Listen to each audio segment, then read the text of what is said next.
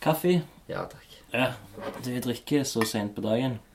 Ja, jeg eh, har ikke så jævlig problemer med å sove på kaffe. Og det virker ikke så jævlig heftig på meg, egentlig. Ok. Av en eller annen grunn. Jeg blir ikke Du så blir ikke våken av det, eller? Nei, altså Jeg tenker ikke over det. Tenker Ok. ikke over at jeg har drukket kaffe og ikke får sove, liksom. Ja. Det funker liksom de første ti minutter, og så er det helt normalt igjen. Jeg håper du, du liker det litt? Ja, ja. Det ikke sånn jeg tvinger i deg kaffe? Absolutt ikke. Absolutt ikke. Jeg har blitt så voksen nå at jeg har fått smaken på kaffen. Lunken kaffe.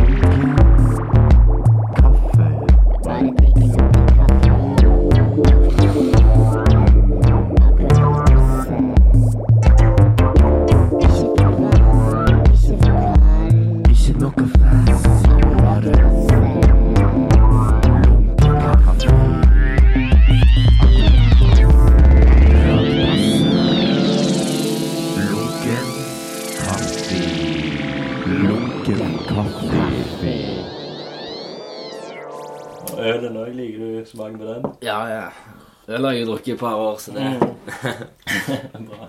Og vin òg har du fått fram, ja. Vin, ja. Eh, hva vil du begynne med? Nei, det er kokken som serverer. Jeg kan, jeg kan ta Jeg har to øl og den, en flaske vin og kaffe. Ja. Vil du vente med det kalde og litt Ja, det har vært å si noe. Ja, siden Det blir kaldt med øl nå. Den kaldeste plassen i hele Stavanger. Hillevåg. Ja, fy faen. Det er vel sjøen som gjør det. Ja, ja, ja. Ja. Det er nærme sjøen, nærme det stygge. Det er jo faktisk den eh, gråeste plassen i hele Stavanger, det. Hillevåg. Mm. Det ser jeg jo. Jeg har jo jobbet på, jobber jo på Pøbelprosjektet. Ja, det ligger jo rett oppi der Ja. på Sjøhagen. Ah, Så jeg kjenner til det. Tidlig om morgenene. Fy faen, så kaldt det kan bli her ute. Det er sykt. Går av toget.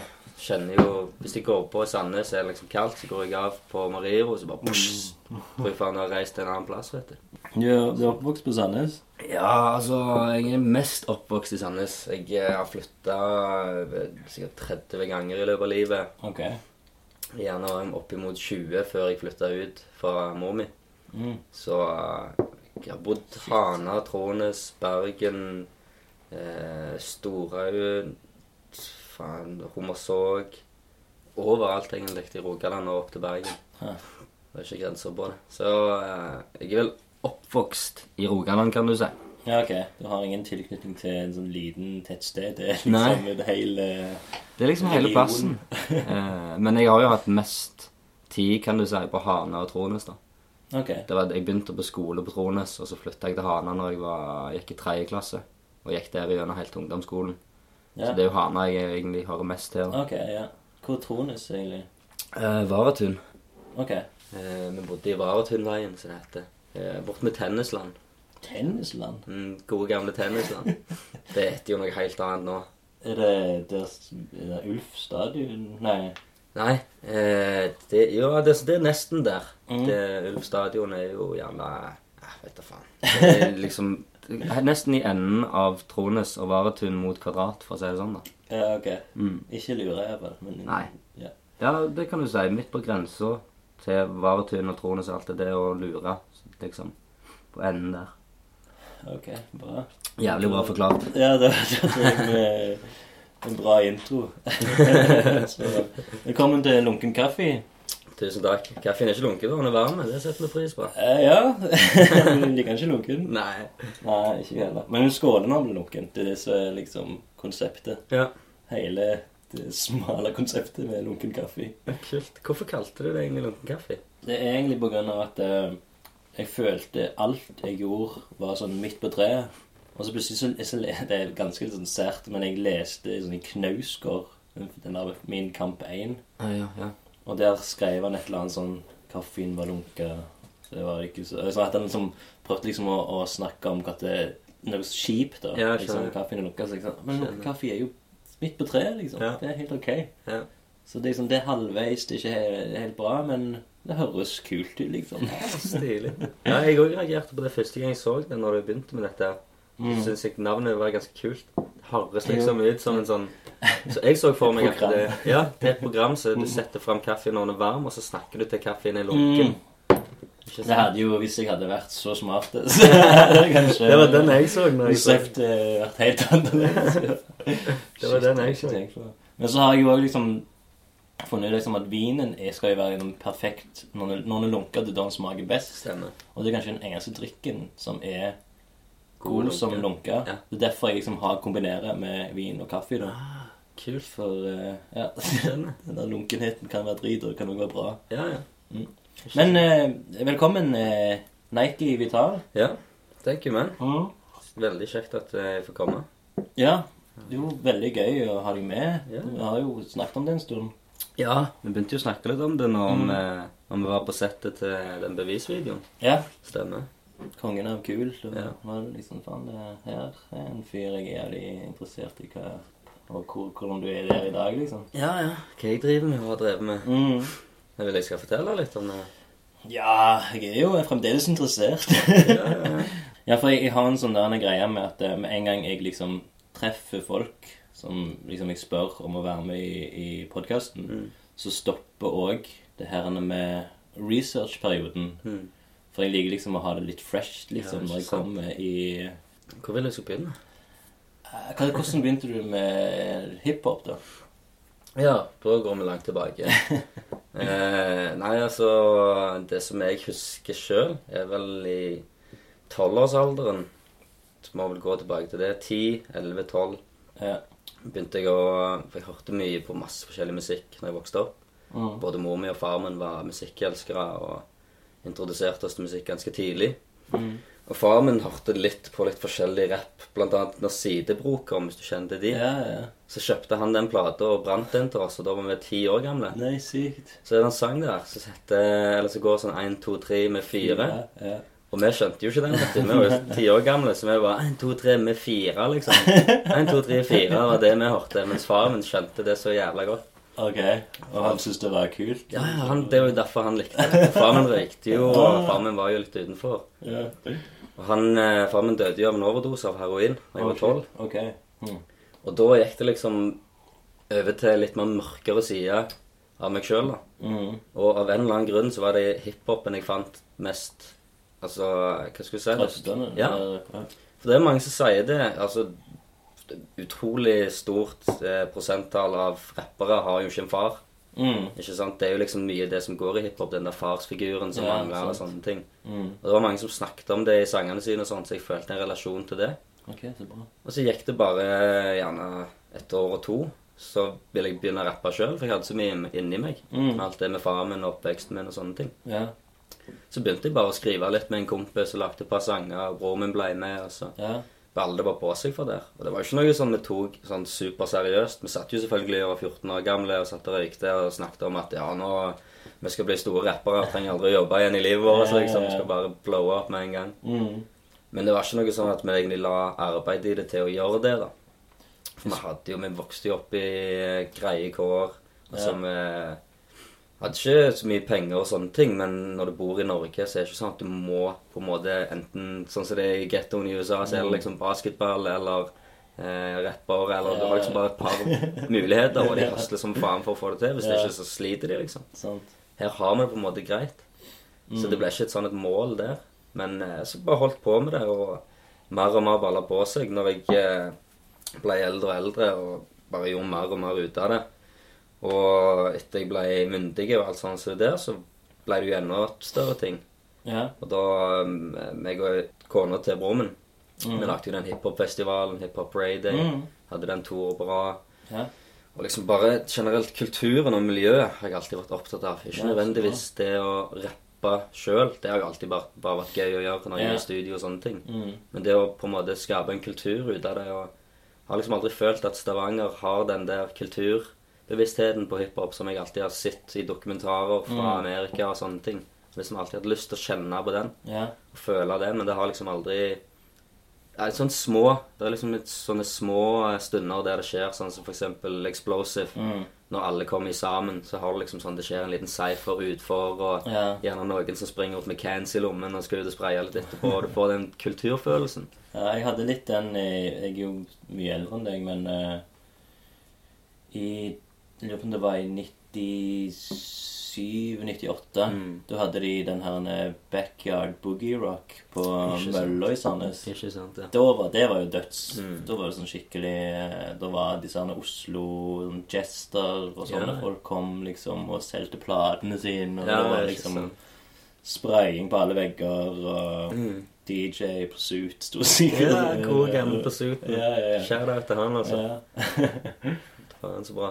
Ja, for det, det er akkurat det òg. Jeg føler det var så mye bedre historier om det før i tida. Mm. Alle var liksom så For det, da skjedde det ikke så mye annet. Nei. Da hadde du liksom ikke alle de stimuliene som vi har i dag. Nå kan du bare gå på YouTube og se en konsert hvis du Ja, vil, istedenfor å måtte gå ut og se den. Mm. Så det er mye det folk forventer så sinnssykt mye i dag for at de skal bli dratt ut av komfortsonen og gå på en sånn event. Ja, Før så var det det du måtte gjøre, liksom. sant. Så jeg har litt, liksom hatt mye håp og hatt lyst til å skape noen plasser og vibber der de faktisk føler at det er sånn. Mm. Og det er den der old school-vibben. Ja. Ikke nødvendigvis med musikksjangeren og sånne ting, men at det er en sammenkomst. Ja, ja, ja. Jeg har jo snakket mye med bl.a. Tore Pang og Kriminell Kunst, Jeg lagde Mm. en eh, EP, en eh, Haternes hovedstad. ja.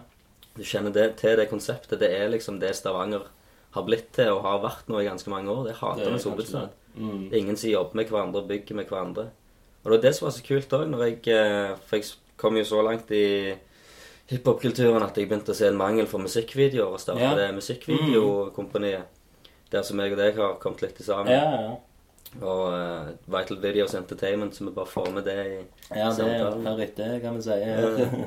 Og da har jeg jo fått mye mer uh, hva skal jeg si, kontakter og folk som har For det, det har jo vært en mangel i det her i byen. For skikkelig skikkelige kule musikkvideoer til Ja, hiphop. det, jeg tror ikke jeg så det nesten før Eller det var Er det noe altså, det, var jo, det var kanskje kriminell kunst. Ja, du har jo de står på film og sånne ting, Ja. men de er jo ganske store. Sant? Ja. Og det er jo mye store budsjetter i det og sånne Mm. ting.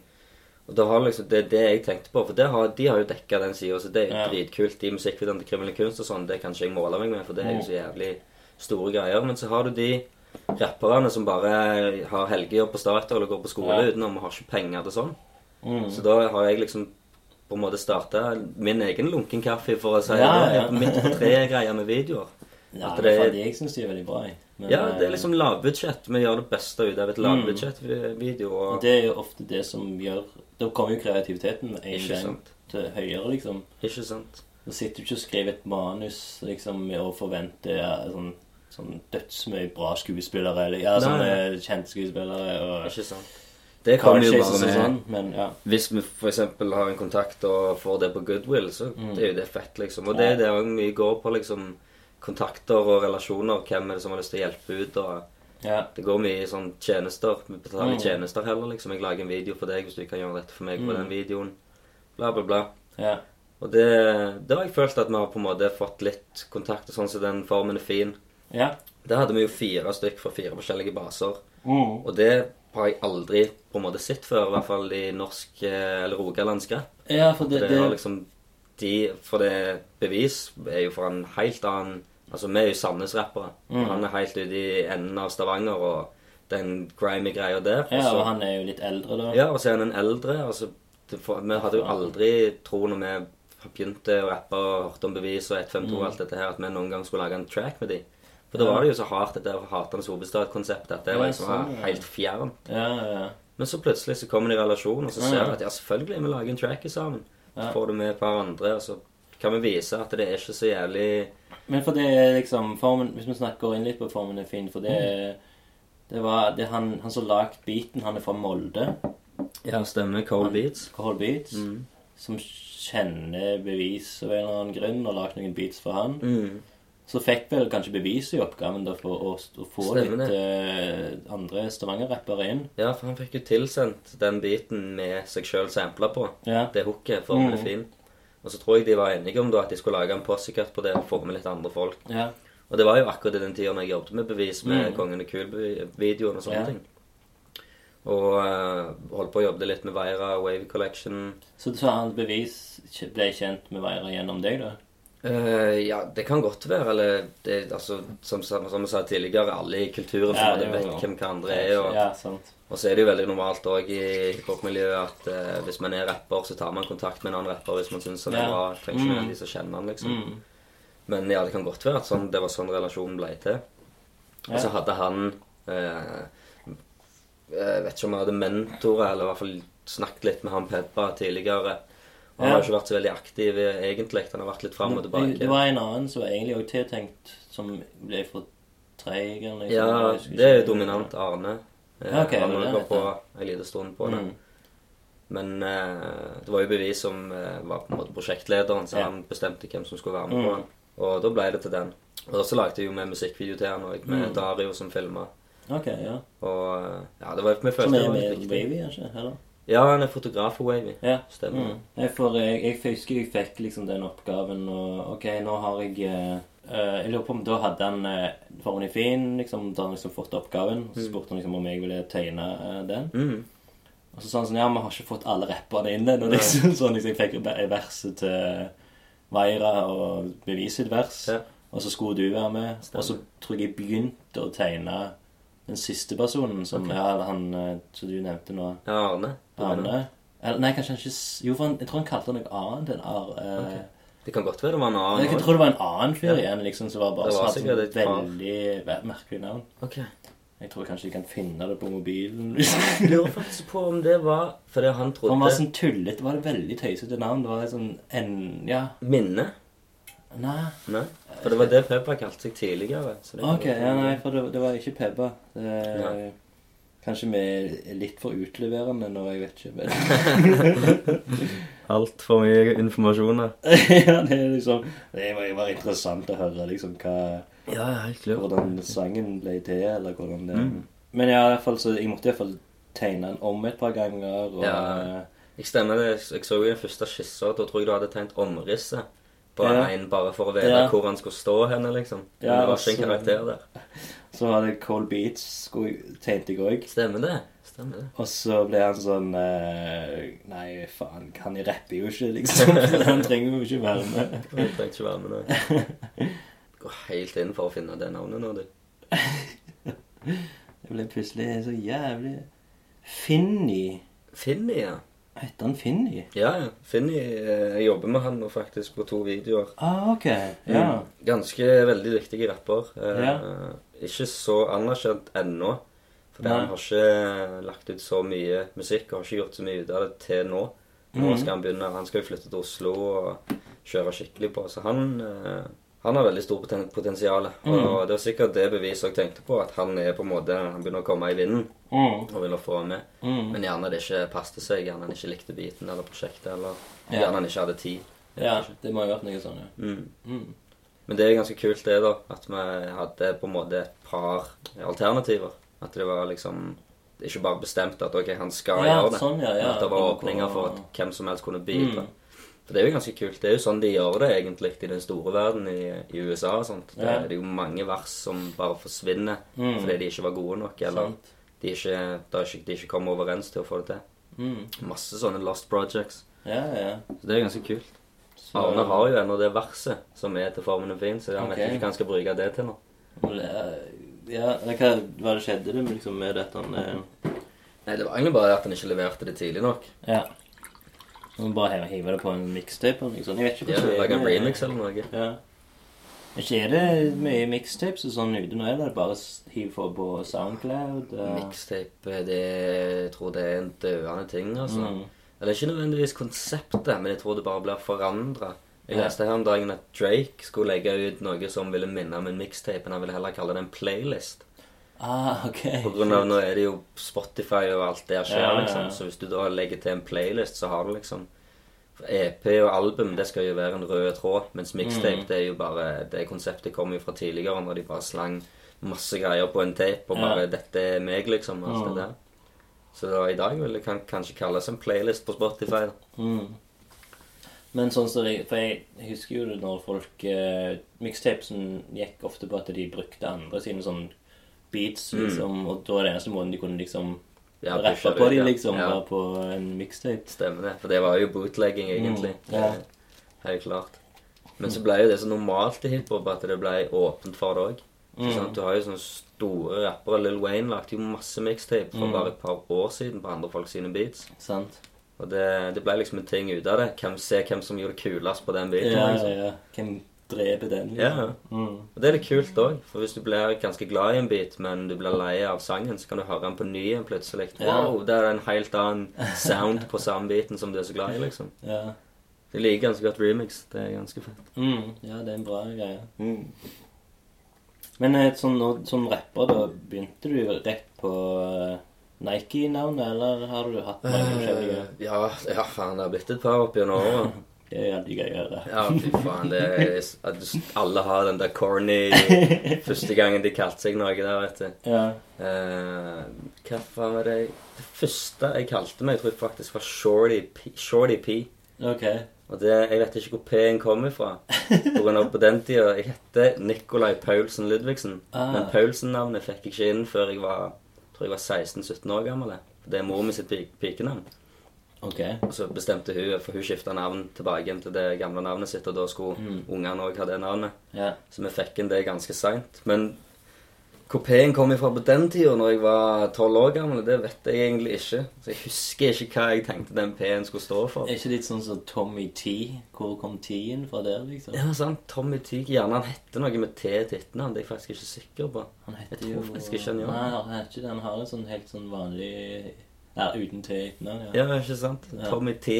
Shorty. P. Det Ja. var sånn, Du må ha noe kult Ja, ja, ja. på slutten. En bokstav. Og det var jo den tida òg, når alle var liksom lill og Ja, sånn. En bokstav og så et eller annet foran, liksom. Mm. Så det, det var nok det første. Og så tror jeg Men da var du shorty òg, liksom? Du Ja, faen. Jeg, var, jeg har alltid vært liten. Jeg, jeg har alltid vært den korteste i klassen. Alltid, det passet meg ganske bra, liksom. Jeg var Ja. shorty. Men så uh, skifta jeg til For det at eh, jeg heter jo Nico, Mm. og det er der Nike kom ifra. Ja. På grunn av eh, han som jeg rappa med, han som var bestekompisen min på den tida, begynte å kalle meg for Nike og Nike. ja, okay. Bare ut ifra at jeg gikk mye i Nike-sko og sånne ting. Ja. Blant annet de sammen. Ja, jeg går med Nike i dag òg. Nike, ja. Nike is all day. Nike is on my feet. uh, ja, man. Exactly. Det var greia. Mm. Så jeg tror jeg skifta til Nike Icy Oi. først, som var ganske spesielt. Jeg tror det var av jeg begynte med øh, alt dette her med bling og sånne ting. Og liksom Ja. icy. Ja. Den, den greia der. Skikkelig kule.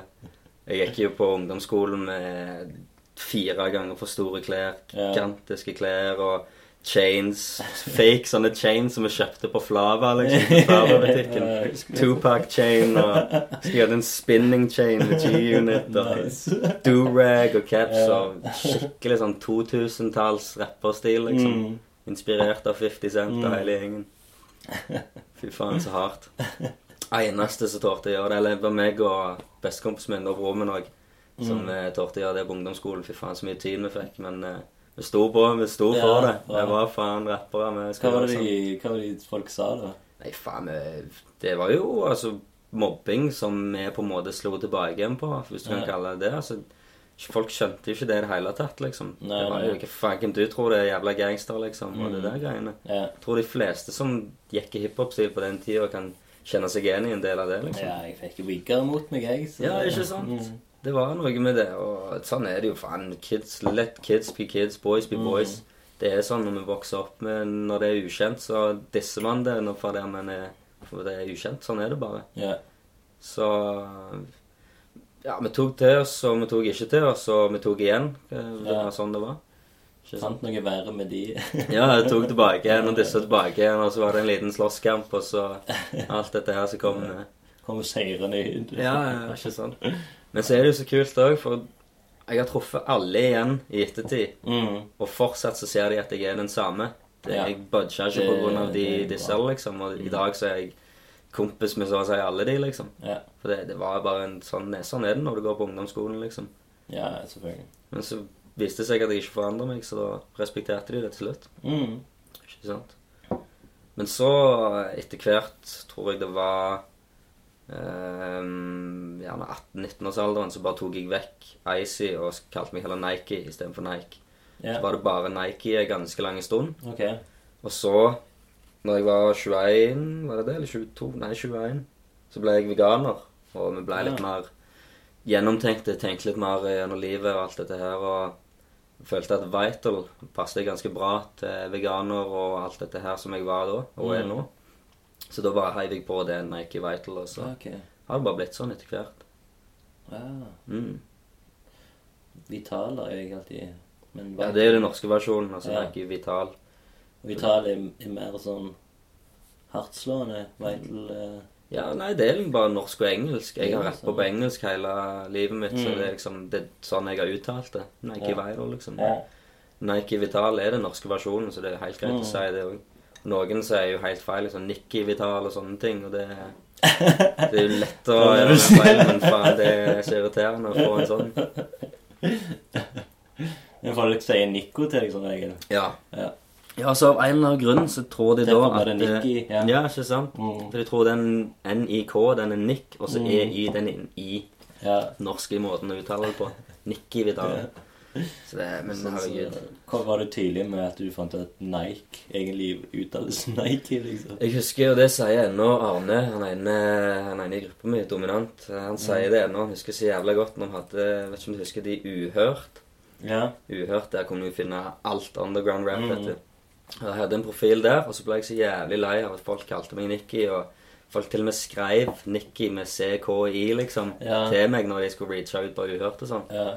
Så skrev jeg i profilen min eh, Det heter Nike, for faen. Kaller du Nikesa dine for Nix? Nei, du gjør jo faen ikke det. Sant? De skrev en sånn lang beskrivelse på at det er faen Nike, liksom. Derfor er Nike like the shoes. Exactly, det er derfor jeg har det på Instagram. For da skjønner du det med en gang du ser det, liksom. Du kaller ikke det for Nixa dine, liksom. Du vet hvor han er lunken nå? Kaffen. Er lunken kaffe? Så da skåler vi. Da passer perfekt til dette konseptet. Har kommet inn i det. Da er vi eksakt der vi skal være. Mm.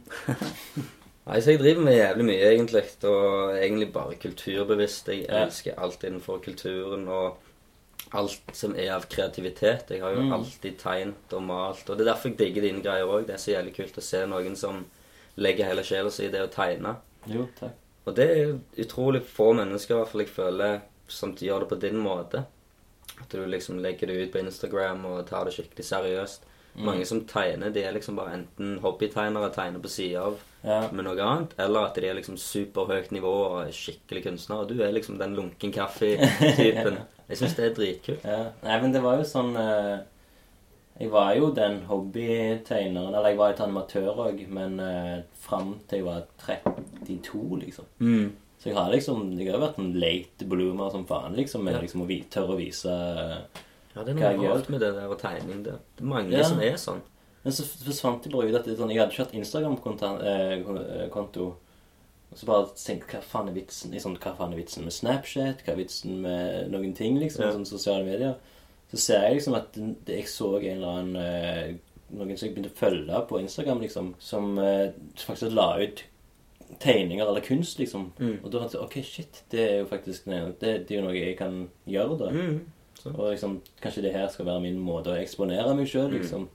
Til Instagram. Så jeg, eh, jeg starta Instagram-kontoen den Espen understrek Birk. Ja. og, og hadde ingen følgere. Nei. Men bare tenkte ok, nå skal jeg bare ha én tegning til dagen, liksom. Ja, Siden eh, det var Ja, det var jo i 2015, da. Ja. Starten av året, nesten. Og, og etter hvert så prat- ble det liksom bare at ok, nå vil jeg eksponere meg mer. Så begynte jeg med lunken kaffe og skulle Ja. liksom sn- ha en podkast. Og med en gang jeg fikk gjester i podkasten, da, så var det jo de som liksom begynte å følge meg på Mm. Instagram, eller ville liksom få ut lunken kaffe-greiene. Så derfor liksom det, Da bygdes den kontoen, Ja. liksom. Det er kjempekult. Det er jo et kult konsept for å bruke for å pushe det litt ut. Mm. Mm. Og da er jo liksom da er den moderne tiden, liksom, Ja. med sosiale medier, det er jo Det er jo det skulle jo sånn som vi møttes, liksom. Ja, ikke sant? Det er akkurat det. Det er jo den nye verden. Alt skjer på sosiale medier. Ja. Ikke sant? Og hvis du ikke er der, så er du på en måte ikke relativ til noe. Nei, sant. Du må være der for at du skal, folk skal føle at du er litt seriøs i dag. Mm. Det er helt rart.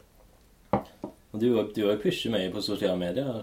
Det- Ja, altså, jeg er nok ikke så flink på det som jeg skulle ha vært. Nei. Men jeg prøver jo på å pushe så mye jeg kan, spesielt Mm. med bilder og video. Mm. Og den Vital Videos Entertainment-kontoen som jeg har. Ja. Det er der jeg pusher ut det meste. Så har jeg en privatkonto som jeg hiver ut litt bilder av meg sjøl og sånt. ja. Men jeg er ikke flink nok til å pushe ut de bildene jeg tar og sånt, for jeg tar jo bilder utenom òg. Ja. Eh, og altså, det er Bare sånn noe- eh, som eh, kun, billedkunst Nei, ikke sånn eh, foto Sånn i kunst eh, Ja, altså ikke så veldig mye der, selv om jeg egentlig har lyst til å begynne å gjøre det. Men Men det er bare jeg har ikke hatt kunnskapen til det. Jeg er jo ikke utdanna i noe som helst i video eller bilde. Det er Nei. bare sjølært og Ja. av at jeg har hatt interesse av det helt siden jeg begynte med kulturen. Mm. Så det har liksom bare vært sjølært og prøvd meg fram og funnet ut at det har jeg lyst til å gjøre, det har jeg lyst til å gjøre. Og så kommer jeg i kontakt med folk som kan ting, og så lærer jeg litt av de. Ja, ok. Ja. Eh, det begynte faktisk egentlig med eh, når vi var i England og filma musikkvideo for eh, to-tre år siden. ok. Eh, det var til en sang som vi lagde med han Arne, som hooka opp med en DJ fra Litauen, som bor i Norwich i England. Men dette er Corner Bros. Ja, det er Corner Bros. Så du, det har du ennå ikke nevnt. Nei, Det er stemmer. liksom- Det er gruppa di. Corner Bros det er jo selvfølgelig gruppa. Mm. Det er den gruppa som jeg og broren min starta for elleve år siden da. Ja, shit. Ja. Hvor gammel er du egentlig? Jeg er 25. Ble Mm. 25 nå i fjor. Ja. Så det, ja, det begynte jo, kan jeg jo bare hive inn det òg, at det begynte med meg og broren min, som Mm. starta Corner Bros. Bare ut ifra løye. Hører kanskje på navnet hvor det kommer ifra. Det begynte med en spinner fra Warner Bros. Mm. Warner Brothers. Siden meg Ja, for logoen er litt sånn Ja, jeg er ganske- jeg er inspirert av det. Det er ikke så mange som har pekt ut det, faktisk. Så det er litt kult at folk ikke legger merke til det. Men når Ja. du sier det til dem, så Ja, faen, det ser jeg jo. Ja, men det som Warner Bros, det er jo sånn Jeg tror ikke det Det er liksom ikke så Det var mest i tegnefilmene. Sånn, Ja, ja jo liksom bak Looney Tunes og alt det, Looney ja. Tunes, liksom. Mm, det er der jeg har det fra. Ja. Looney- Vi vokste opp med Jeg vet Looney ikke om det er det eksisterer ennå. Looney Tunes, nei. Det, Jeg tenker på Warner Bros. Ja, det, Warner. Bros. Jo, Warner Brothers tror jeg gjerne lager spillefilmer. Ja, jo, Ja, jeg tror okay. de lager filmer. Mm. Men uh, Looney Tunes og generelt den tegneserieverdenen tegneserieverden tror jeg, jeg, tror de har lagt langt bak. Space Jam. Ja, sånn. Space Jam. Jeg faktisk å lage en ny Space Jam nå. Ja, jeg med LeBron. James. Ja, stemmer det. Jævlig stilig. Jeg håper den tar eh, At de gjør den på samme måte, men enda bedre. Ja, Space Jam er jo så nostalgiske. den er Det er helt fantastisk. Mm. Men så Men ja, så så ut fra logoen Ja, det var liksom Warner Bros, og så er jo meg og broren min Vi er jo blodsbrødre. Ja. Og vi begynte å rappe sammen, så jeg tenkte liksom vi må ha noe som, som sier det, da. Noe, et eller annet med Brothers, eller noe Ja. sånt. Så så jeg Warner Brothers, og så bare tenkte jeg hva rimer Warner Brothers? Corner Brothers. så bare, faen, vi henger jo på hjørnet hver dag. Vi var jo, vi hang jo mye på ruten og var liksom den generasjonen. Ja. hang, heng, hang på 7-Eleven på hjørnet der, og det passte så godt. Ja. Så tenkte jeg ja, det, det er bror, meg og broren min. Og så gikk det eh, det var 2008 var det vel når vi kom sammen hele gjengen med Arne og DJ-en vår og CT, han som har med, han var med litt fra litt tidligere av. Men det var liksom 2008 at vi var kommet sammen alle. For det var liksom, vi hadde et miljø med masse rappere, men vi var ikke noe gruppe eller noe. Ok, ja. Så fikk vi plutselig en spillejobb der vi skulle være med opp for Nico D på L54 i Sandnes. Ok. Og da var det liksom Faen, hva skal vi kalle oss? Hva skal stå på plakaten, liksom? Kan ikke stå alle disse navnene her, liksom. Vi var jo tolv stykker på den tida. Oh, shit. Ja, skikkelig Wu-Tang norsk edition. Ja, ja, Så det, vi fant ut at ok, da bruker vi bare Corner Brothers. Egentlig så var det bare sånn, vi, vi bruker det nå, Mm. bare for vi har ikke noe navn. Vi, må, vi var liksom konsert med ham et par dager, og det å finne på et navn, det var så vanskelig. Så vi brukte det, og så bare ble det stuck med det. ja Så det har bare vært det siden. Men nå er dere ikke tolv? Nei, nei. Seks stykker har jo datt av i løpet av tida. Så, og noen datt av, noen kom inn, datt av. Så det har liksom vært få medlemmer Eller det har vært mange medlemmer, men mm. det har ikke vært så mange som har på en måte vært fra, fra starten av, kan du si. For det er mest du og broren, er det ikke det? Ja, det er meg og broren min og dominant Arne som har på en måte vært hele tida. Mm. tid, datter av en liten stund, DJ-en var en liten stund ute. Men nå så er vi liksom tilbake igjen. Det er nå vi er liksom Ah, det mest solide. Ja, Hvis vi noen gang kan, kan ha vært solide, så er det nå, liksom. Jeg så jo dere hadde en del jobber sånn eh, Iallfall i desember. Mm. Da, men det var i, eh, selvfølgelig i Sandnes. Ja, vi har begynt å spille på Mekleren. Ja. Mm. Meglerne har vi fått fast jobb Ja, okay. hver siste torsdag i måneden. Så der spiller vi hver siste torsdag i måneden på Mekleren. Ah, ja, fett.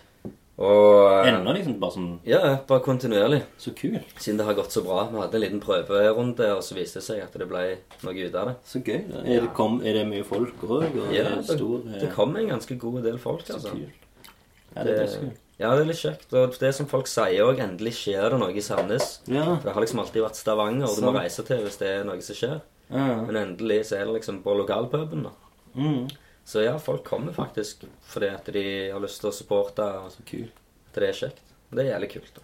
Men tar dere litt sånn freestyle? og sånn? um... Ja, ja. Vi har et ganske kult konsept på det. Ja. Vi kjører konsert gjerne 40 minutter en time først. Mm. Med Corner Bros-materiale og sånne ting. Og så åpner vi opp for en sånn åpen mic-greie. Okay. DJ-en spinner et par beats, og Ja. folk kan komme opp og gjøre greier. Hvis de har en sang med Hvis de har med beaten sin på USB, så kan de stappe den i Ja. og ta sangen hvis det passer seg, liksom. Bra. Vi prøver å ha et ganske åpent konsept og gjøre Mm. liksom for folka. Og da hjelper det jo med at det kommer nye Ja. hiphop-figurer inn i bildet. De får litt uh, confidence eh, boost og Mm. får kjenne litt på det å stå på en scene og sånne ting. Det er jævlig kult. Det har vi sett masse allerede. Folk som har satt veldig pris på. Ja. Og så er det jo gratis. Det koster ingenting å komme inn. Ok, så og. Det er liksom bare åpent for folket. God underholdning. Mm. Men det derailer litt, da, fordi at eh, Jeg snakket jo om den musikkvideoen i England. Mm. Mm. Eh, ja. Backtrack litt. Brrr. Sånn blir det. Sånn blir det. ja, tilbake til England, ja. Ja. Mm. For det, det er der jeg ble inspirert til å virkelig gjøre musikkvideoer. Det Ja. var når vi fikk kontakt med han DJ-en, og så lagde han en ganske kul beat, og så lagde vi en sang på den, og så sa han beatmakeren da at eh, hvis vi skal gjøre dette her, så vil jeg ha musikkvideo og lage det til et sånn skikkelig kult prosjekt. da. Okay. Så hadde vi penger til det og budsjett og alt, Som er ok, ja, hvis du har en videodude, så vil vi gjerne gjøre det i England. Ja. Så hooket han opp med en kar som heter Above Ground Okay. som ikke var ganske anerkjent på den tida. Han var så anerkjent rundt i England og sånt, men Mm. ikke så veldig stor. Og så hooket vi opp med han og lagde video med han i Norwich. Ja. Da liksom kom vi flygende ned og fikk hotell og sånne ting, og så hadde han satt opp eh, musikkvideo på en eh, skrapplass. Ja vel. Ja, Jævlig kult konsept. Shit. Og det følte liksom var ganske proft da. Mm. Og så filma vi litt behind the scenes og sånne ting. Det ligger faktisk på YouTube behind okay. the scenes også, i tillegg til det musikkvideoen. Hva, hva YouTube-konto må gå inn på da? Eh, Det ligger på Conscious Beings Community, som det heter. Okay. Det er liksom et community-konsept som Corner Bros har starta for Mm. å gjøre litt for alle som vi jobber med. Ja, fett. Og den ligger ute der Mm. blant, med musikkvideoen. da. Musikkvideoen, Eller sangen heter 'Kick in the Reel'. Ja. Så det er det som musikkvideoen heter. Og den, den er filma i Norwich. Cool. Og da var vi jo der et par dager og hang med han duden og sånt. Og Mm. da ble jeg utrolig inspirert til hele musikkvideoverdenen, for han er så sinnssykt dyktig fyr. Mm. Skikkelig eh, dedikert til hele kulturen og Hva år var dette? Jeg tror det var 2014 Ok. eller 15. Nei, det var 14. Jeg er sikker på det. Så hadde vi jo kontakt med han etterpå. Han kom på Hip Hop Ray Day og filma Hip Hop Ray Day. Ah, ok. Vi lagde en musikkvideo der og sånne ting. Og han har jo beveget seg videre igjen til skikkelig store ting. Han lagde jo musikkvideo for um, The Four Owls, hvis du kjenner til de, fra London. Nei, nei, jeg er ikke så oppdatert på London-rapp. Nei, ikke sant. Det er jo for det meste der han har jobba. Ja. Og så lagde han en del musikkvideoer for de, Four Mm. Owls, og platekompaniet deres, uh, High Focus. ja. Og så fikk han anerkjennelse der pga. de lagde en sang med DJ Premier. Og den Ah, lagde han musikkvideo til. Ah, ja, Så da fikk han en inngang til New York. Ai, ai, Så nå jobber han stort i New York med store folk der og sånt. Det er dritkult å se hvor han har beveget seg til. Og det fortjener han òg. Han er Mm. helt ekstreme på den verden da. Men det har liksom inspirert meg til at det Mm. går an å gjøre det. da. Mm. For han heller hadde ikke noe skoleutdanning eller noen ting. Han bare gjorde det ut for sjela. Og Derfor så begynte jeg òg bare med det. Investerte i kamerautstyr og sånne ting. Og bare tok det til det nivået. Dødsbra. Ja, så det er sånn det baller på seg. Og det er sånn jeg bare har gjort alt. Hvis jeg føler for det, så gjør jeg det. Jeg har Ja, ikke noe ja. Det er ikke, Jeg Det er tenker sjelden over at det har jeg ikke erfaring til, eller det har jeg ikke Mm. kunnskap til. Ja. Jeg bare gjør det. Jeg, båten blir til mens jeg ror. Det er dødsbra. Jeg skulle ønske jeg hadde den, eh, den tanken når jeg var på din alder. For det tok jævlig lang tid før jeg liksom bare fant ut fuck alt. liksom. Ja, jeg vil. Ja, jeg har vært ganske heldig der, kan man si. Jeg har hatt så mye utfordringer i livet som har lært meg at jeg lever nå, liksom. Jeg Mm. lever ikke om ti år. Mm. Så jeg må bare kjøre på og gønne på med det jeg kan, liksom. Memento mori. Memento mori. Ja. Betyr det det? Det er liksom en sånn ting de sier eh, sånn, Det er bare sånn Vit at du skal dø. På en, det er en sånn annen måte for å si uh, Carpe diem, liksom. Ja, ikke sant. Det er Vit at du skal dø, eller lev sånn, Lev i sånn nuet. Ja. Mm. jo det. Stilig. Mm. Så den fikk jeg liksom til meg. Ok, faen, jeg kommer sikkert til å dø om to-tre år. Så jeg må få et eller annet til. Mm. Jeg har jo sikkert tenkt sånn hele tida, for jeg har jo vært tagger òg, da liksom prøver liksom å sette mine spor Ja, og Det er jo det tagging går ut på. Ja, sant. Sånn, håper det her varer helt til jeg dør. Ja, liksom. Og drev med animasjon, liksom lagt filmer ja, alt liksom og Kult.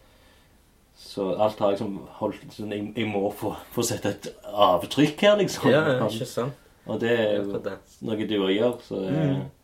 Ja, jeg tenker faktisk mye på det, jeg òg. Liksom. Ikke nødvendigvis at jeg tenker at jeg skal dø snart, men jeg tenker Altså, hvis jeg plutselig dauer, da, hvis jeg hadde blitt overkjørt i morgen, hva er det jeg legger igjen? mm. Ikke sant? Hva er det folk kommer til å huske meg for? Litt sånn klisjéaktig, men ikke nødvendigvis hva folk kommer til å huske meg for. Det er liksom mer for de som kommer etter i familien og sånne Ja. ting. Mm. Hvis, hvis jeg hadde dødd i morgen, nevøen min er fem år, han ville så vidt huske meg, hva, er det, hva slags minner sitter han med videre? Mm.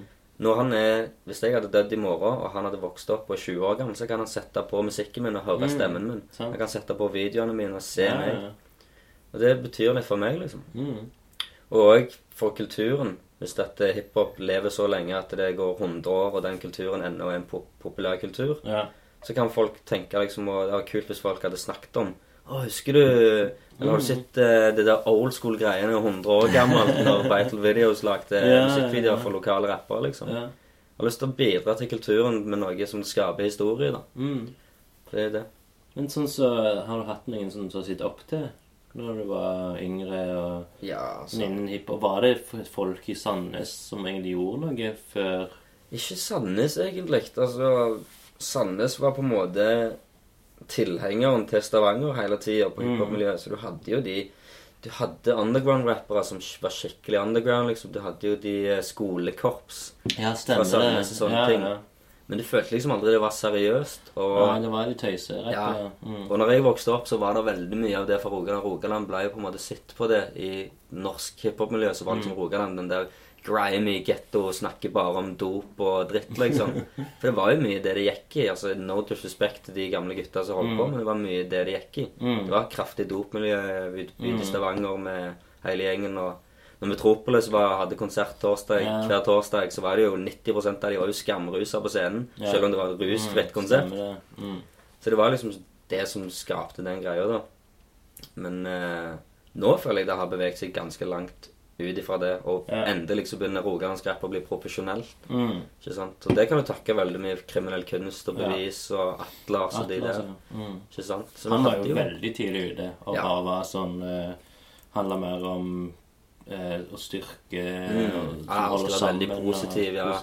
ja. Skape ting sammen og skape et samhold. Mm. Men han har på en måte ikke hatt så mye respekt i hiphop-miljøet, kan man si. Det er stygt å si, men liksom Han har på en måte vært den der good guyen i Mm. et bad miljø.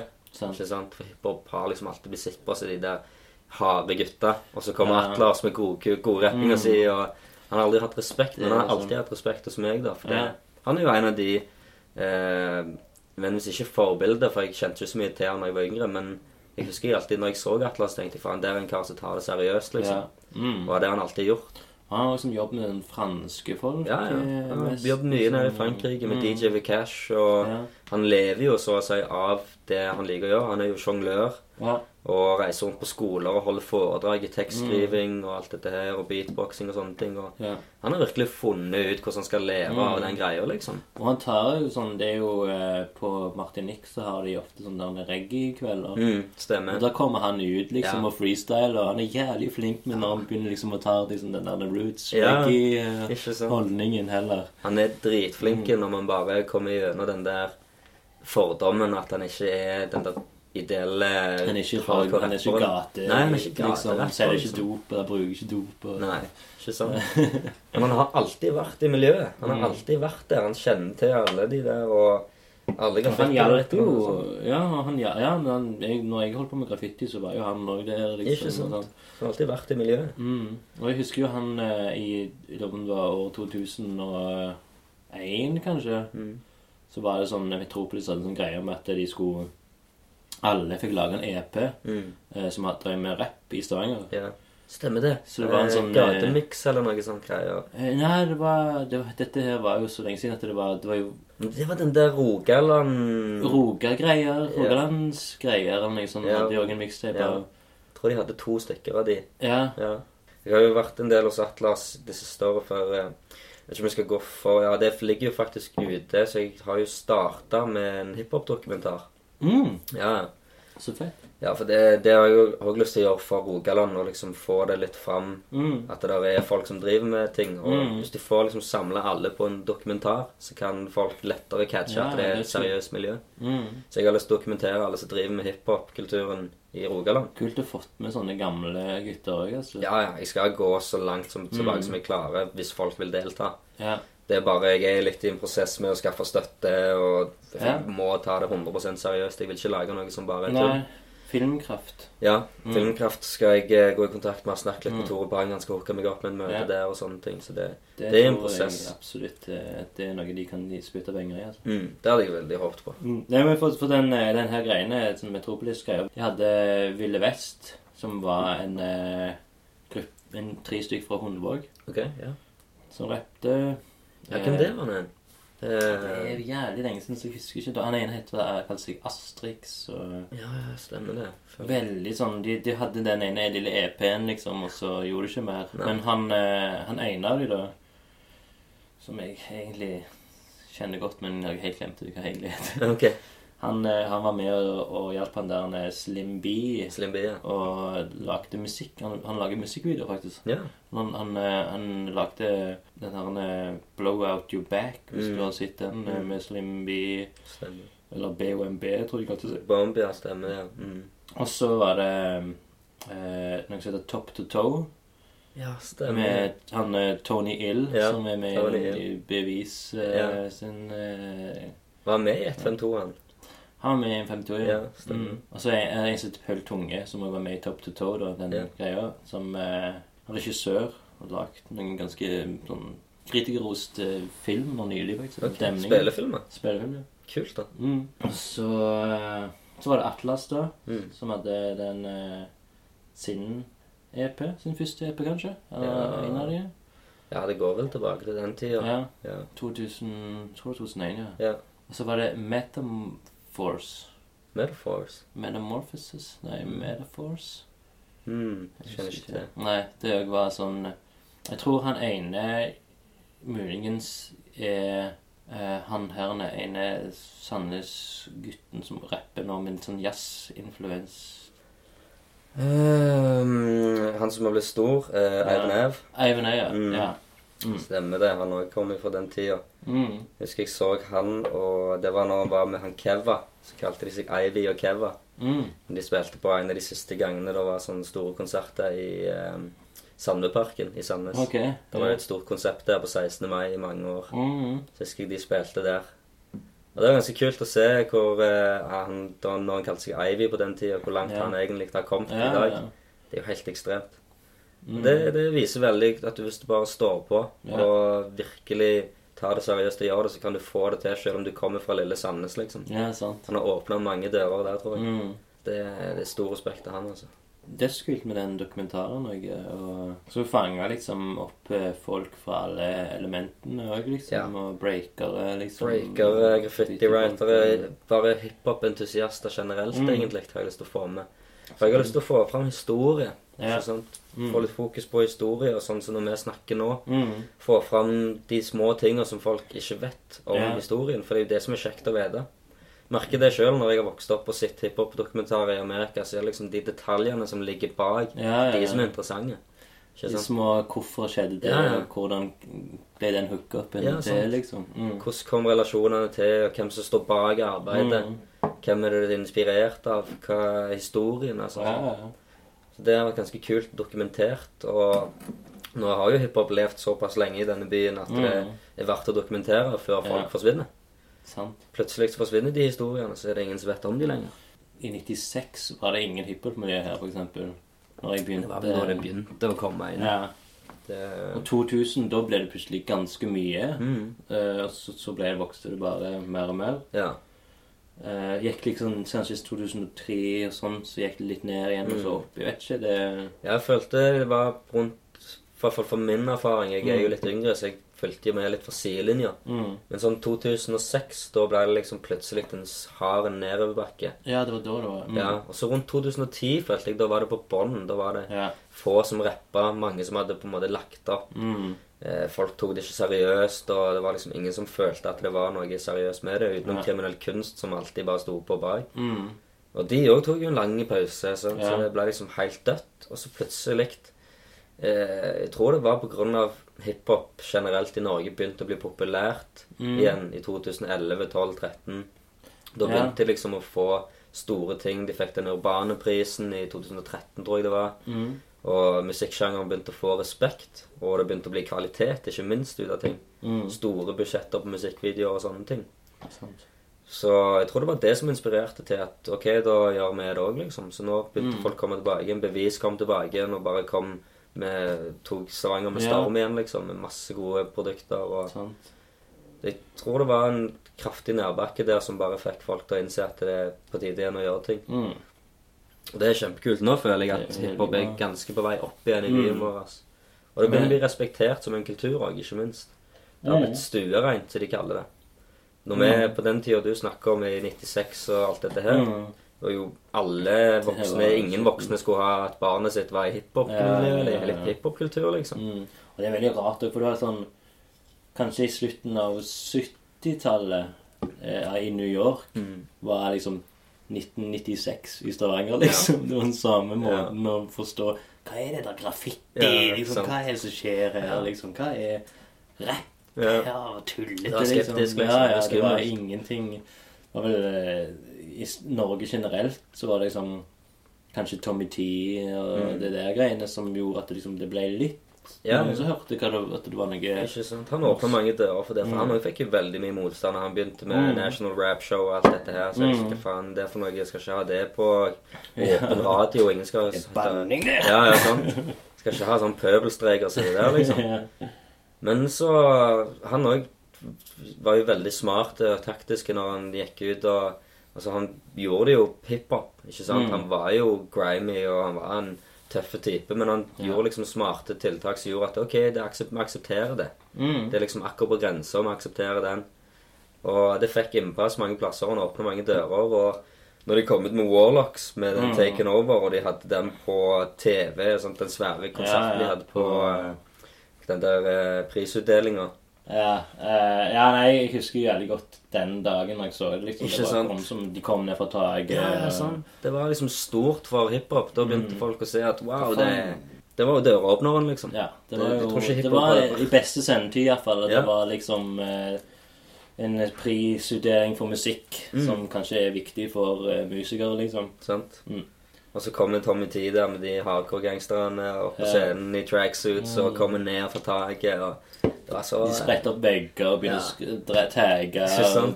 Folk begynner å breake, liksom.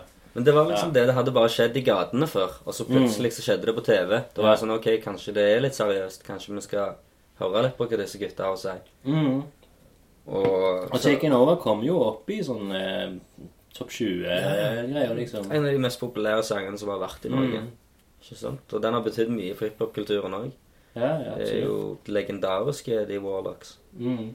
Det har vært mye sånn folk som har gjort tiltak for å åpne dører og gjøre det rent, og det har liksom tatt ti år, og nå begynner folk å ha respekt for det. Mm. Nå ser du liksom hiphop overalt. Du har liksom Don Martin som eh, spiller på store, åpne public ting, liksom, på Mm. TV og sånne ting. Mm. Og eh, er med på God morgen Norge og disse tingene Ja, han liksom. holder du ganske ekte ennå. Ja, veldig. Han er Han har jeg stor respekt for hva han, ja, hva han driver med, og hva han gjør. Og det, det begynner liksom å bli respektert, som sagt. Og det, det gir det oss muligheter til å gjøre litt mer ting.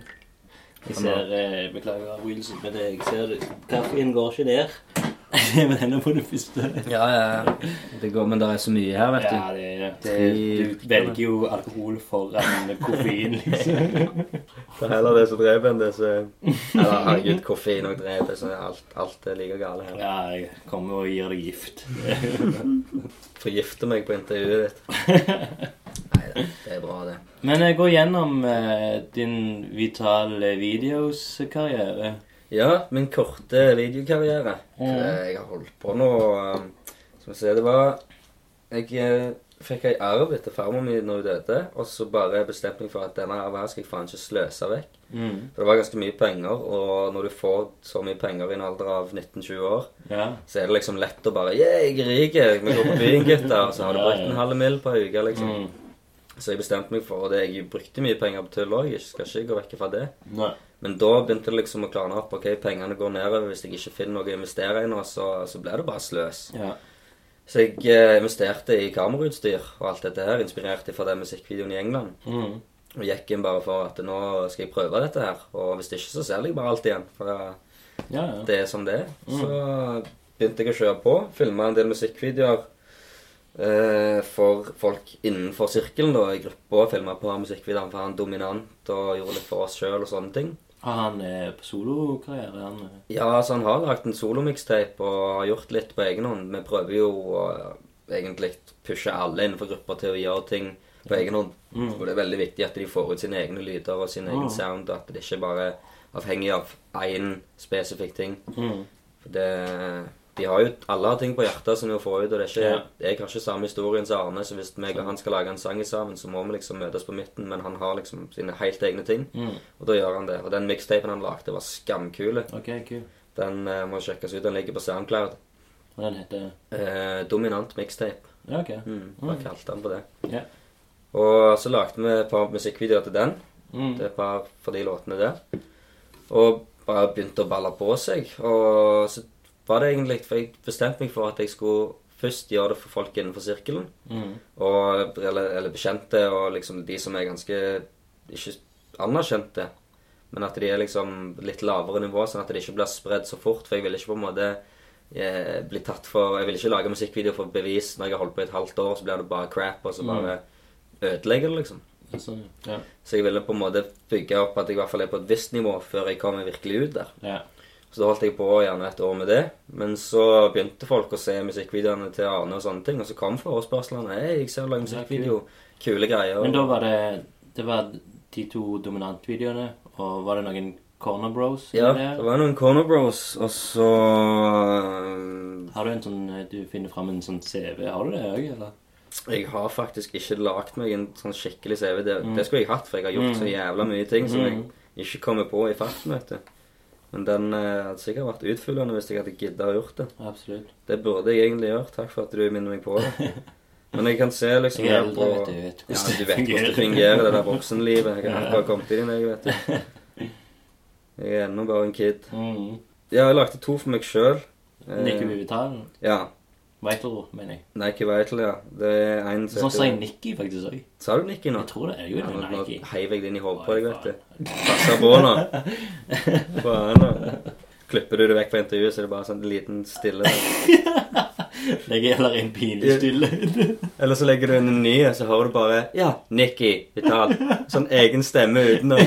Spilt inn seinere. Fikse på det. Nei, men jeg lagde to stykker for meg sjøl først, som var en som heter Wild Stylers. Mm. Så fikk en kompis til å filme, så redigerte jeg sjøl. ja, fett. Og så lagde jeg en til den sangen som jeg har sett til Fallen, som handler om mor Den har og jeg, litt sånn. eh, den har jeg sett. Ja. Hørt, ja. Veldig fin. Ja, takk skal du ha. Mm. Den er jo ganske personlig. Mm. Og så lagde jeg noe for en collab som jeg hadde med en som heter Konsept, og noen som heter The Morse. Og så for Dominant, og så for Corner Bros, den CB-cypheren. Mm. Så jeg lagde et par videoer da, og så begynte bare folk å ta kontakt, blant annet Innvikla. Lagde video for han. Og okay. så ble det Veira, og så ble det Isak Ung med Syk i hodet, Ja. faktisk. Mm. Syk i hodet sitt comeback. Det var ganske kult for meg å filme hans comeback. Kult. Hva, han som tok kontakt med deg, da? Ja, det var hans tok kontakt. Mm. Og det er liksom alle disse her har tatt kontakt. eh, Men Veira var den eh, introduksjonen? Sånn, introduksjonen han først, ja. for han og den jo- blowa jo som faen. Ja, den fikk ganske godt anerkjennelse. Og, og den første musikkvideoen min på YLTV, for Veira sukker og salt, Mm. den sendte vi til YLTV, så kom den. Mm. Og da fikk jeg jo innpass i YLTV. Ja, for nå, nå er det YLTV hver video kommer til. Ja, det er så å si det er jo, YLTV har jo tatt over videoverdenen i Ja. uh, hiphop-miljøet i Norge. Og det er jo dritkult. Det er stor respekt til Mario Mm. Solberg og gjengen bak YLTV. Altså de, de gjør virkelig noe for den verden, og det betyr så mye for meg òg. ja. Holder de til i Oslo, de? De holder til i Oslo, ja. Mm. Men de er jo landsdekkende, og nå Skandinavia-dekkende. Ja. De tar jo Fett. inn videoer fra Sverige og Danmark og alt det sammen. Det er Og det er yltv.no? Stemmer. De har yltv.no, og så har de YouTube-kanal og Instagram og alt det der utenom. Okay. Så det, og der sendte vi jo inn den sukker og salt, Mm. og da fikk vi innpass til den eh, formen er fin. Mm. For da hadde jo Veira noe der allerede. Ja, og sånne ting, Så da åpna det for det. Og i ettertid så har jo YLTV begynt å følge meg og har hatt respekt for mine greier òg. Og det syns jeg er helt er utrolig kult for meg. Mm. Det er jo en blessing i seg sjøl, det. Så har det egentlig bare balla på seg fra etter det, da. Kongen er kul. Kongen er Eh, kul. Et par til for Veira. Gjorde en for Josti, en som holdt på tidligere på ja, midten av 2000-tallet, 2006. Og plutselig okay. så kommer han tilbake igjen nå. Ok, kul Og det er òg liksom sånn kult at folk ser at det, ok, nå er det muligheter her. Mm. Nå er det kule ting. Det er mange som gjør comeback, føler jeg, for tida. Mm, mm, Ganske mange. Ikke bare i Rogaland, men i Norge generelt. Ja. Mange som gjør comebacks Mm. og sånne ting. Og gjorde en for en som heter Otelius, som er en ny kar som har begynt å rappe. Fra Ja. Moi, faktisk. Ja. Og så gjorde jeg en som droppa nettopp for Adrian Wright. Mm. en Jurassic Park. Og Han er jo en sånn fyr som har holdt på lenge. Han har holdt på en god del år. Eh, har ikke vært så veldig mye, mye ute i vinden, egentlig. For eh, grunner jeg ikke kjenner til, egentlig. Men Nei, eh, men han er jo sånn eh, fyr som har kanskje droppa en freestyle på en eller annen Ja. Slags lokal Stavanger eh, ja, liksom vært litt med på hele Mm. greia. Og gjort et par remixer av andre låter. mm, Store låter og sånne ting. Men så flytta han til Oslo, og så har han fått litt kontakter der. Og Ah, nå har han ok. begynt å komme virkelig ut. mm, Og han er jo ganske spesiell kar. Han er jo halvt amerikaner. mm. Og har liksom hele amerikanske swagen på plass. Og Ja. han høres ut som han er fra Amerika. Og Ja, liker ganske godt stilen. Mm. Så vi lagde en ganske spesiell video for han, da. Ja, jeg så den. Ja, ja. Den var ganske mørk. Ganske mørk, ganske grimy greie. Men uh, det fungerte veldig bra. Jurassic Park. Ja, det sant. Jurassic Park, det. Mm. Det var ganske kult. da. Mm. Enkelt. Og det er liksom det, det, den, det er et veldig godt eksempel på den lavbudsjettgreia. Ja, ja, og den, jo, den vis, beskriver jo veldig mye ja, det er liksom bare der. Og, Ja, det, det er simpelt, men allikevel kult. På grunn av Mm. jeg fokuserer på vinkler og måter jeg filmer på og sånne ting. Har du vært borti kikket litt i sånne bøker om eh, sånn, for, for du ser jo som du har liksom Du vet jo ja, ja, jeg har jo sjøl hvordan du rammer med Ja, liksom sånn eh, Altså, Det er ikke tilfeldig. Nei, det er ikke tilfeldig. Absolutt ikke. Jeg har jo satt meg inn i mye. Jeg er jo sjøllært, som sagt. Mm. Og helt siden jeg husker når jeg var tolv år gammel og begynte å laste ned musikkvideoer gjennom LimeWire og Mm. Bearshare og alt det som var på den tida.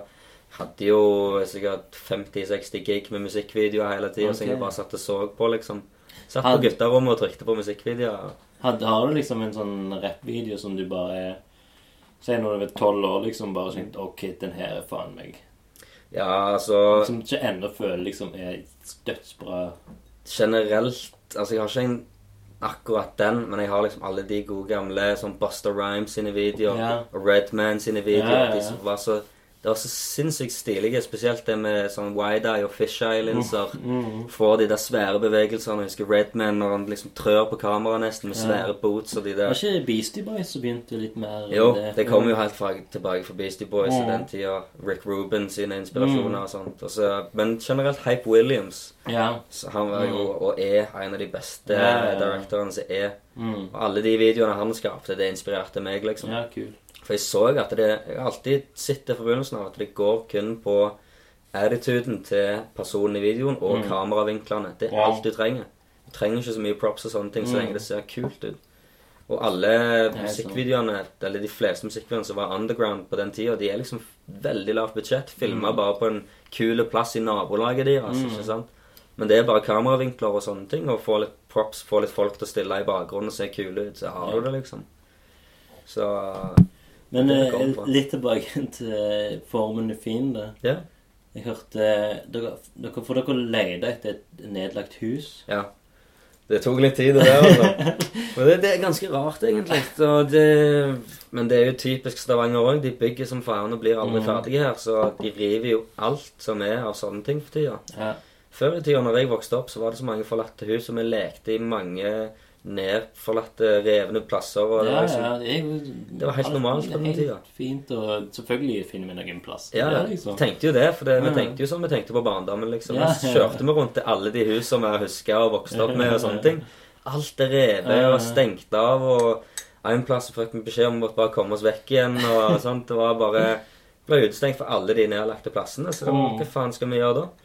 Så heldigvis hadde jeg en kompis som hadde et graffitistudio på Storhaug, Ja. i et sånn svært eh, bygg som skulle rives. Mm.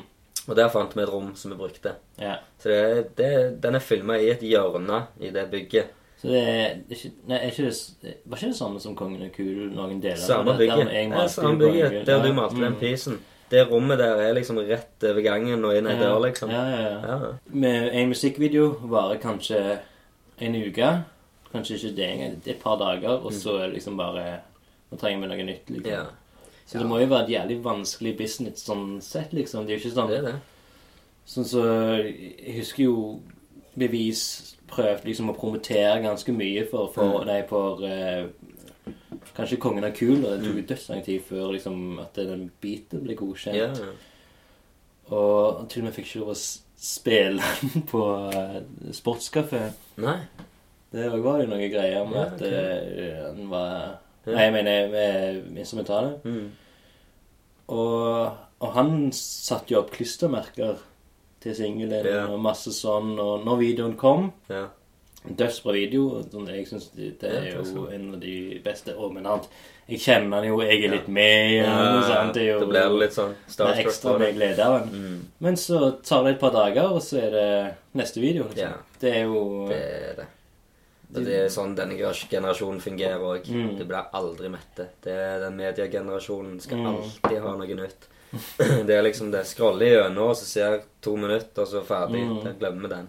Det er, Ja, det kan godt være de bare ser det blir nytt òg, liksom. Ja. Sånn, ok, kul nok sang, men eh, jeg tar den med meg her, liksom, på Ja. bussen i så fall. Ikke Ikke se videoen. Og så. Det, er jo, det må jo være et veldig hard eh, greie. ja, det er det. Helt klart. Og det er jo, Altså, før i tida, som sagt, med de musikkvideoene jeg vokste opp med, Mm. så hadde vi jo de musikkvideoene Så på den Jeg lasta de ned og så på de hver dag i gjerne Ja, ja. to år, ikke sant? Mm. Men i dag så har Spotify-generasjonen Mm. og Instagram-generasjonen de her, Forskere har jo kommet fram til det at uh, attention span Jeg vet ikke hva det er på norsk, men liksom oppmerksomheten til Ja. kidsa Den har jo ja. sunket utrolig mye på bare korte år etter alt det der mediegreiene kom fram. På Mm. Facebook og alt dette her. Så nå er det liksom det, hvis de, hvis de ikke blir eh, tilfredsstilt de første fem sekunder, så er det Mm. neste video å scrolle ned, liksom. Mm. Og det er, du må alltid feede de, og du merker jo det òg på artister, hvor oppgitt de blir etter hvert. De, de Mm. står på i fem år, og så kommer det ikke der de Ja. ville, og så bare gir de opp, for de har faen lagt inn så mye arbeid at de, de klarer ikke mer, liksom. Sant. De sliter seg ut. Det er derfor det er viktig med et godt team rundt seg. Mm. Det er jo derfor alle store artister har et team på managerer og produsenter og alt Ja. dette her som står bak og sånn. gjør det arbeidet som mange artister i undergrounden må gjøre helt sjøl. Mm. Sånn som du sier, bevis. Nå når han har kommet tilbake igjen, jeg ser han hele tida pusher og kjøper sponsor Mm. post på Facebook og alt det der.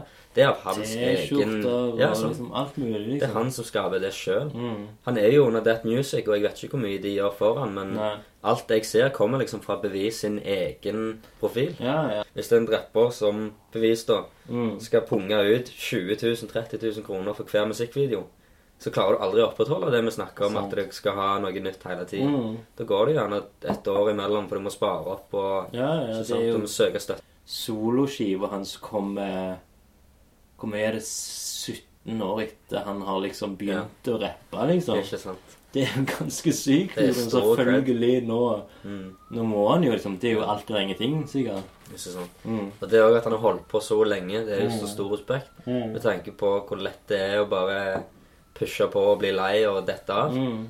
Det at man holder på så lenge, det, liksom, det er stor respekt til de gutta Mm. der, Kriminell kunst og Atlas og beviser de som Mm. bare står på. De har ikke den der Enten så ble jeg famous innen fem år, eller så gir jeg opp. De bare Mm. fortsetter Mm. holde holder på. Kan jeg si, så- sånn for eksempel Tore Pang, eller for eksempel, han er jo Mm. egentlig Vi gitt jo han en personlig pris, kan du kalle det, da, på Explosive for to år siden. At vi gitt han prisen som eh, Stavangers hiphop-ambassadør. Ja. Utdelt fra Corner Bros. Og det Mm. var bare ut fra vårt eget hjerte. Vi driter i hvem som er enig i det eller ikke. Ja, ja. egentlig så er det jo sånn. For han er jo en av de som på en måte stopper mest for kulturen. ja men han, selvfølgelig, han var, han var en eh, Eller OK, han, han er sikkert fremdeles, mm. men eh, Og han har hjulpet gans veldig mange artister. Ja. liksom. Det var, kanskje det var Atlas før han igjen. Ja. Så Tore Men Pang, men jeg, jeg føler Begge liksom to, på en måte. Altså, de òg jobbet tett i sammen i begynnelsen. mm. ja. Og Tore Pang starta jo det der eh, Manisk Lyd ja, med noen kompiser, og Ja, han har liksom alltid Mm. vært en av st- støtte...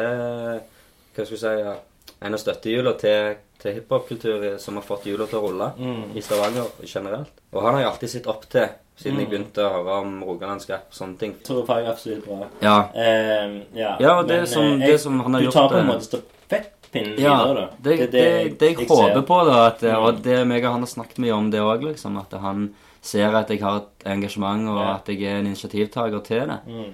Så vi har liksom snakket om det med Explosive og sånne ting, at jeg skal komme med litt ideer og forhåpentligvis hjelpe Ja, til. Og jeg er- ser veldig opp til han og den måten han gjør ting på. Mm. Jeg har lyst til, som du sier, ta stafettpinnen og fortsette Mm. Med å gjøre sånne ting. absolutt du er i stand til å gjøre. Altså. Ja, for hiphop eh, Rogaland trenger det, Stavanger. Mm. Og hvis Tore Pang slutter, hvem er det da som sitter og holder på med det? det er, altså, Som jeg vet, ingen. Nei, Ikke sant? Så det, det var kult at noen tar initiativet og fortsetter. absolutt. Um, jeg lurer på om vi skal gå inn på noen av de faste innslagene. Ja, Det er tre stykker. ja. Kjør på. En av eh, faste innslagene, som vi kanskje har vært litt borti òg, det er jo eh, lunkent bekjentskap. Lunkent bekjentskap. Hei sann! Hvem er du? En ny venn! Vær hilset, min nye venn.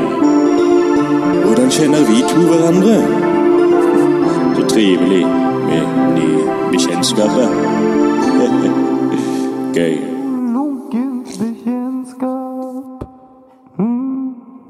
Ja, vi har jo vært litt inne på det. Mm. Og det er jo Ja, som vi sier generelt, at eh, det har gått gjennom andre folk. Ja, Som er vel mest sier bevis, da. ja.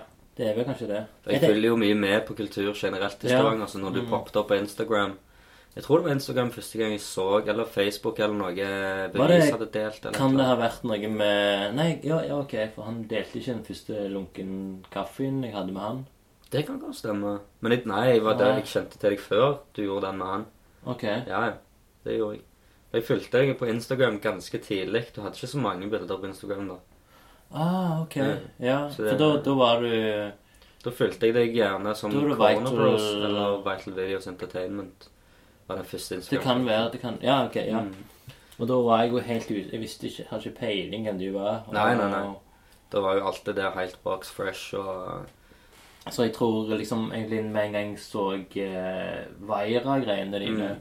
Da var det sånn OK, så han eh, Da trodde jeg du var liksom med de, da. Ja, jeg var jo det. Ja. Ja, Ja, du var i eh, Wavy? Nei. ja jeg jobbet en god del med Wavy Ja, før jeg ja for du lagde eh, en del videoer for de, da. Mm. Og da var det sånn OK, men de må jo følge, for jeg kjenner jo Daniel, Mm. og, og etter hvert ble jeg kjent med Veira. Ja.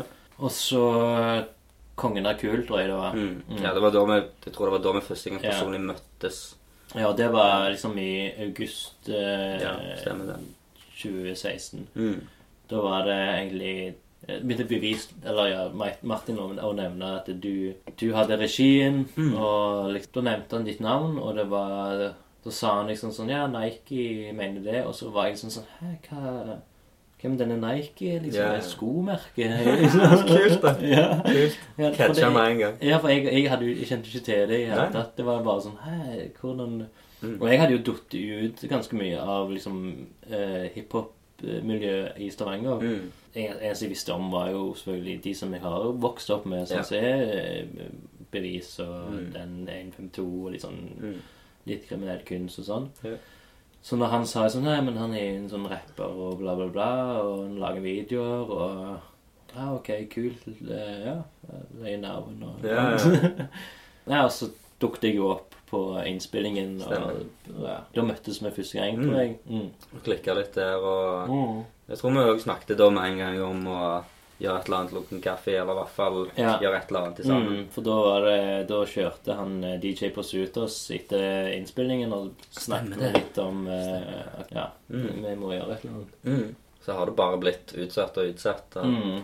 Og vi har jo sett hverandre litt av og til. Jeg ser du kommer plutselig fra et studio, eller Mm. du dukker opp av Stavanger. Og, Mm. Truffes på et par konserter og sånne ting. mm. Ja, ja. Bevis en konsert. Jodskis og Stemmer det. Ja, det var vel Tommy T og Jodski vi traff på og sa at nå må vi få det til. Ja. Og så bare gikk det et par uker, og så tok jeg kontakt. ja. Um, den andre i det første innslaget Mm. Det er liksom Nå skal vi finne ut hva episoden heter. Og finner navn på det. Ja, og det er jo eh, et eget segment som heter Bergman.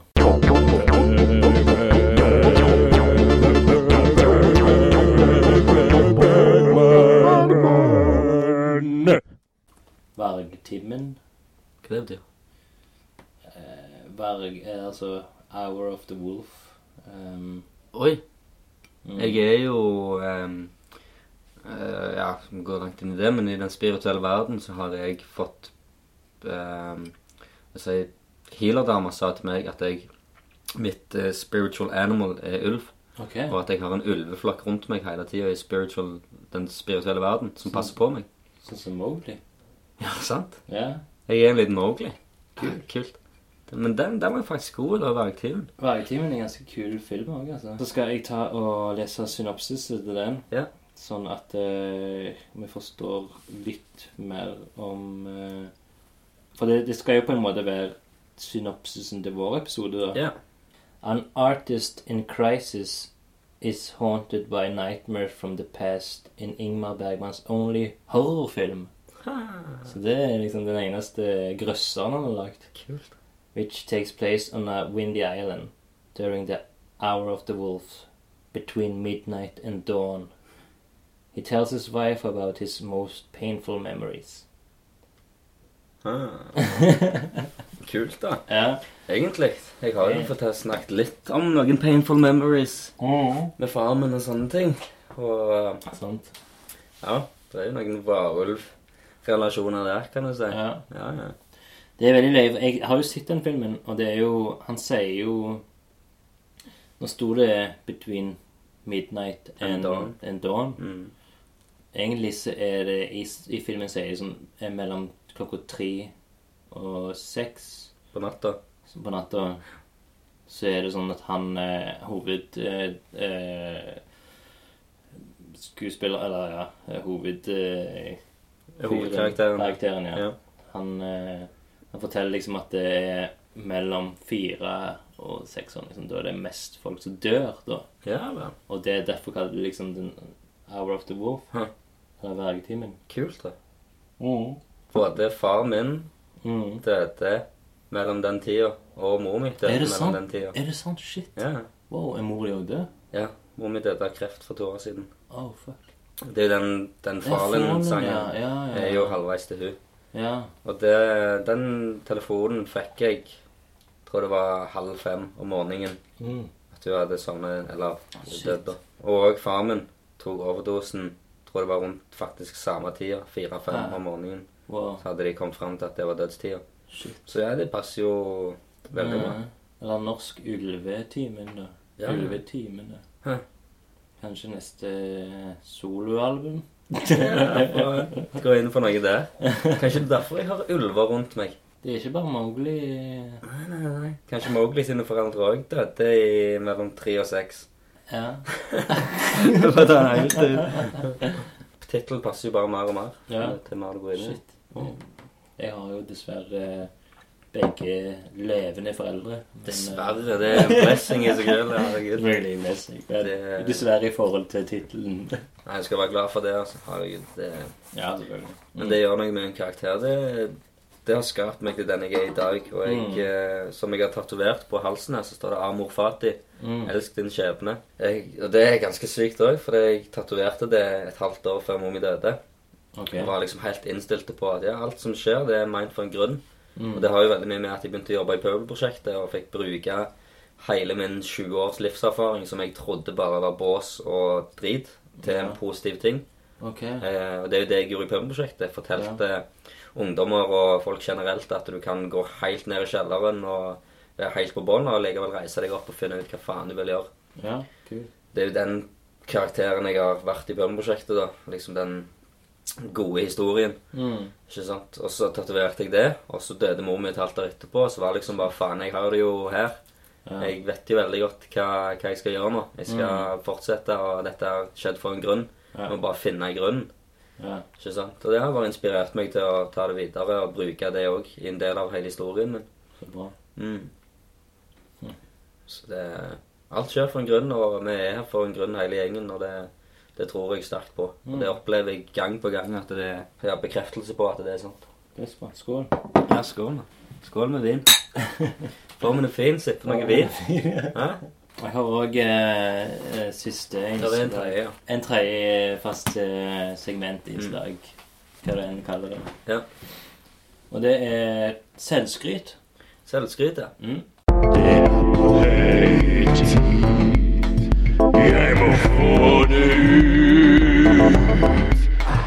Jeg er så rik, jeg er så god, Så interessant som person. Jeg må skryte.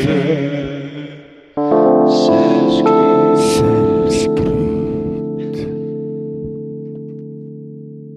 At jeg skal skryte av meg sjøl, Ja. Og jeg òg skryter av meg sjøl, da. det er jeg jævlig dårlig på. Ja. Jeg òg hater det. Det er det verste jeg vet. Men det er viktig, da. Mm. Det er en veldig viktig ting, og jeg sier det hele tida til ungdommen òg når jeg jobber med ungdom, at uh, du må si til deg sjøl hva faen du er god. Det er jo, Den mantraen i Pøbelprosjektet er jo 'jeg er god nok'.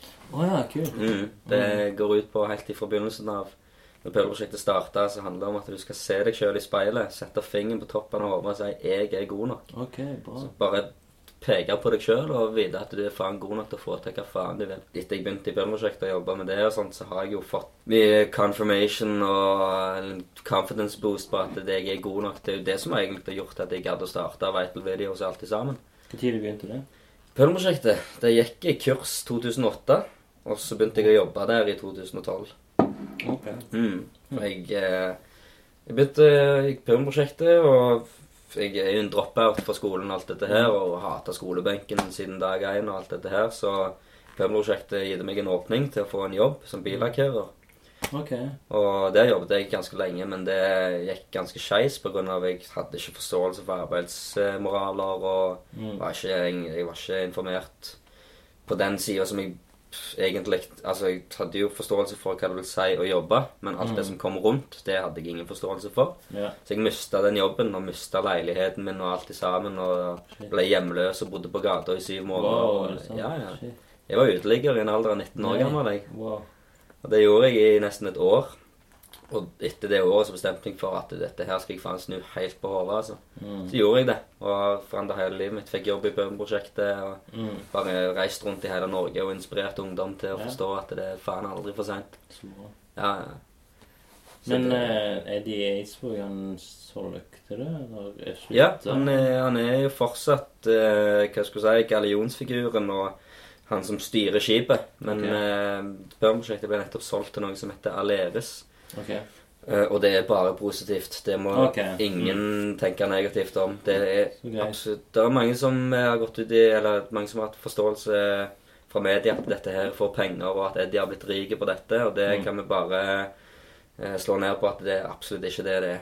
De, alle de pengene okay. går til Pøbelprosjektet, og det er 100% for at det skal være en positiv ting, og at Mm. det skal gå oppover Ja. og framover. Aleris eh, kommer til å gjøre utrolig mye ting for Pøbelprosjektet som er Mm. betydningsfullt, og det er bare positivt. Ja.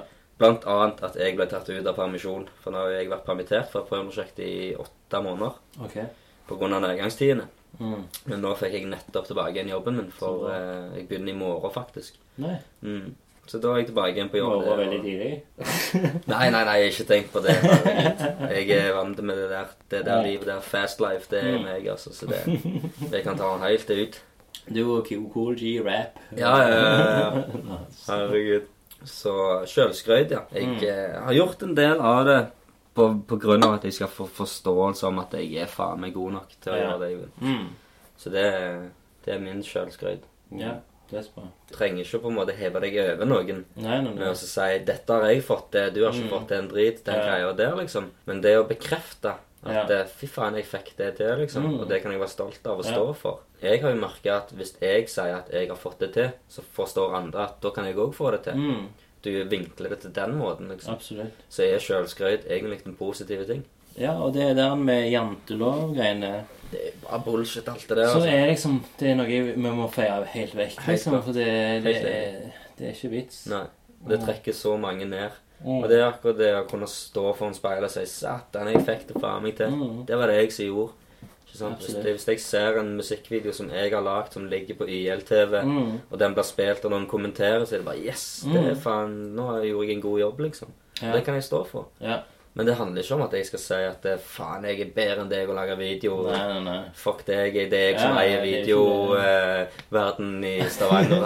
Absolutt ikke den Absolutt ikke den karen der, liksom. Men absolutt noen du bør oppsøke hvis du trenger å lage en video. Men, men er det folk som kommer til deg og sier sånn eh, OK, jeg har den her. Jeg vil Sånn som jeg kom jo til deg en gang Mm. og, og nevnte et eller annet. Eh, er det andre som gjør det òg, liksom? Det er akkurat sånn de gjør det. Ja. De kommer til meg med en sang og jeg har lyst til å lage video til denne. Og du har liksom alt ifra sånn som Finny. ja. Han har hele visionen i hodet. Mm. Og kommer og sier 'dette dette vil jeg ha', kan vi Ja. jobbe med det? Selvfølgelig så gjør vi det den måten der. Mm. Det er, mitt mantra er at artisten skal være fornøyd framfor meg. ja. Det er viktigst at han er fornøyd, for da er jeg fornøyd. Men er det sånn hvis det noen komme med en sang For jeg ting, Ok, Si at min selvskade er at jeg, jeg har lagd en jævlig bra tekst. Da, mm, sant? Som jeg er jævlig fornøyd med, som heter lunken Nei, definisjonen av lunken heter den. Definisjonen av lunken. Ja. ja. Som jeg er liksom det her, Jeg vet at, at det her Jeg har jobbet med den dødslenge. Uh, jeg syns den var liksom uh, Hver det, den linje er Jeg syns jeg er bra, men jeg, jeg, er jo, kan jo ikke synge. Nei. Når jeg kommer da med den ideen til deg og sier sånn Ja, eh, definisjonen lukter lukt Og så hører du, og så bare Oh, shit. Han her fyren kan ikke synge. Mm. Hva tenker du da, liksom? Nei, altså For meg så handler det ikke så mye om at jeg skal på en måte like greia. Selvfølgelig, jeg må jo like greia, hvis ikke så blir det bare helt kunsten, kunstig. Mm. Hvis jeg skal stå der og bare «Øh, Dette er kjedelig, liksom. ja. Så da, da må jeg jo si til artisten at du, jeg skjønner ikke konseptet, men hvis du klarer å inspirere meg til å forstå det, Kult. så er jeg med på det. Mm. Helt klart. Og for meg så handler det ikke om heller at artisten skal være dritgod for at jeg skal jobbe med han. Mm. Ikke sant? For meg så handler det bare om at artisten har noe han vil pushe ut. Yeah. Og hvis jeg føler det, så går vi for det. Yeah. Ikke sant? Så det er der egentlig grensa mi går. Jeg har ingen kvalitetsgrenser, liksom. No, okay. Absolutt ikke. Absolutt ikke. Men så lenge den personen viser en eh, entusiasme, da. Ja, entusiasme, og at han har liksom et eller annet han har sett for seg. da Mm. Ikke sant? For det, eh, det er jævlig vanskelig for meg å Hvis jeg ikke føler greia, og i tillegg skal di directe greia og si at jeg vil ha det og det og det For Mm. Ja. jeg, ikke, jeg klarer ikke å se for meg hvis jeg ikke føler det. Mm. Ikke sant? Det men eh, du har Men så går vi over til Ja, skal jeg også skryte? Ja, selvfølgelig. Jeg prøvde å skryte litt av den eh, teksten, men eh, det er Ja. vanskelig. Det er jo eh, Ja, men smør på. Ok, så t- tingen er at eh, jeg har jo òg hatt en sånn der eh, ønske å være rapper av og til. da. Ok. Og så fant jeg ut at jeg var veldig dårlig til å rappe. Hva som, hva som var på en måte punktet der du fant ut at jeg er dårlig? Når sa du til deg sjøl at dette går ikke, liksom? Eh, det var når jeg begynte å eh, prøve å rekorde inn eh, det, Det er det, er der det stopper for mange. altså. Det er Ja. helt utrolig. Og jeg òg, når jeg begynte å rappe, var veldig imot min egen stemme. Ja, ok. Men det er noe med å knekke forbi den der, tror jeg. Ja, så, så lagde jeg en sang da som jeg, eh, jeg spilte litt inn med som Gustav Jørgensen. Ja. Må jeg lager jinglene i noen kaffe, og sånn. Stemmer. Det har liksom endelig fungert, liksom der, der jeg, jeg, jeg sang istedenfor å rappe, og jeg følte det var bedre. liksom så, jeg klarer ikke å synge heller, men jeg klarte iallfall å skrive ganske bra, liksom. Og så framførte jeg det på en av heter Superstars eh, Collective eh, Sex, Drugs and eh, Superstars. Noe sånt så Hva er det for liksom- noe?